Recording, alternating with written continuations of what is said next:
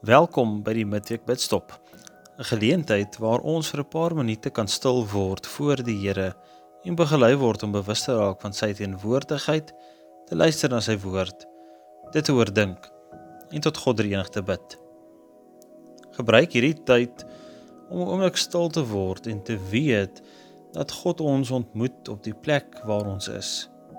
Soos 'n pa sy kind omhels in liefde, So omhels God nou vir jou in sy arms van liefde. Neem 'n oomblik en kom tot rus met hierdie wete.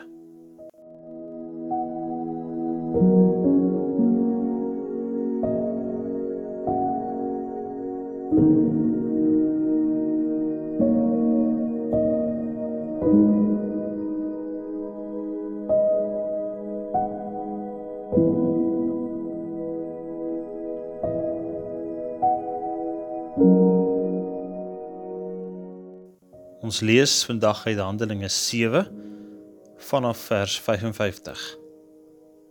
Maar Stefanus, vol van die Heilige Gees, het opgekyk na die hemel en die heerlikheid van God gesien en Jesus wat aan die regterhand van God staan. "Kyk," het hy gesê, "ek sien die hemel geopen en die seun van die mens wat aan die regterhand van God staan." Toe het hulle hard geskreeu en hulle ore toegedruk.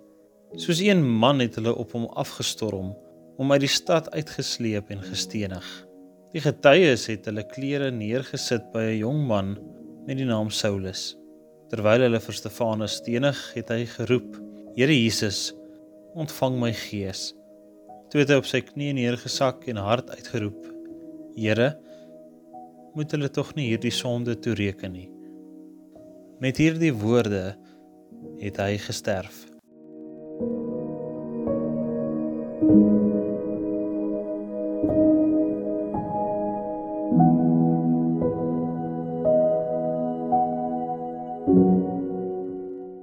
Ons gedeelte vandag vertel van Stefanus se dood deur die Joodse Raad toe hy van Jesus voor hulle getuig het.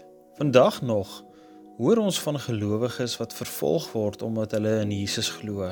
Wat maak hierdie verhaal en die verhale wat ons van ander hoor in jou as gelowige wakker?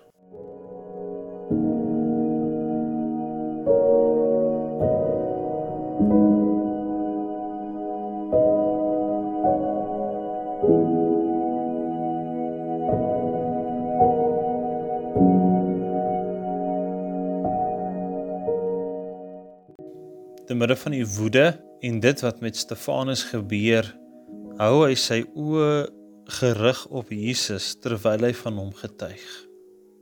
Hoe laat dit jou voel om te weet dat in so 'n moeilike tyd, terwyl Stefanus geweet het dat hy sy lewe gaan verloor, hy nog steeds net aan Jesus vasgehou het?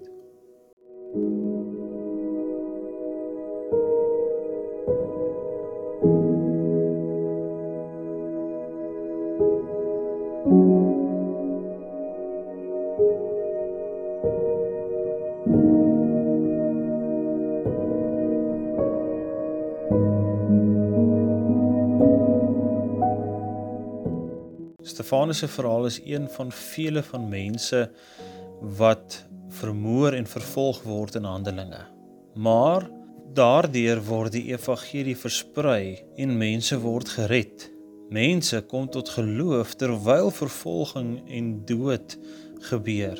Die rede en dit maak Stefanus duidelik is Jesus. Ten spyte van die sleg wat ek dalk tans ervaar met COVID-19 met die inperking moet ek my oë gerig op Jesus hou en moet ek as gelowige hoe en waar ek kan 'n verskil gaan maak in my gemeenskap. Hoe kan ek dit prakties doen? Neem hierdie oomblik en praat nou met die Here daaroor.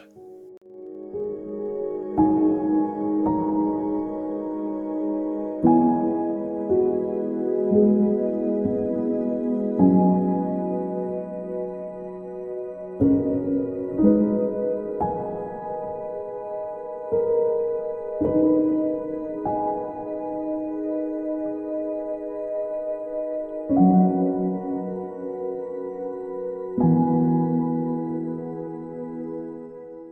ons bid saam.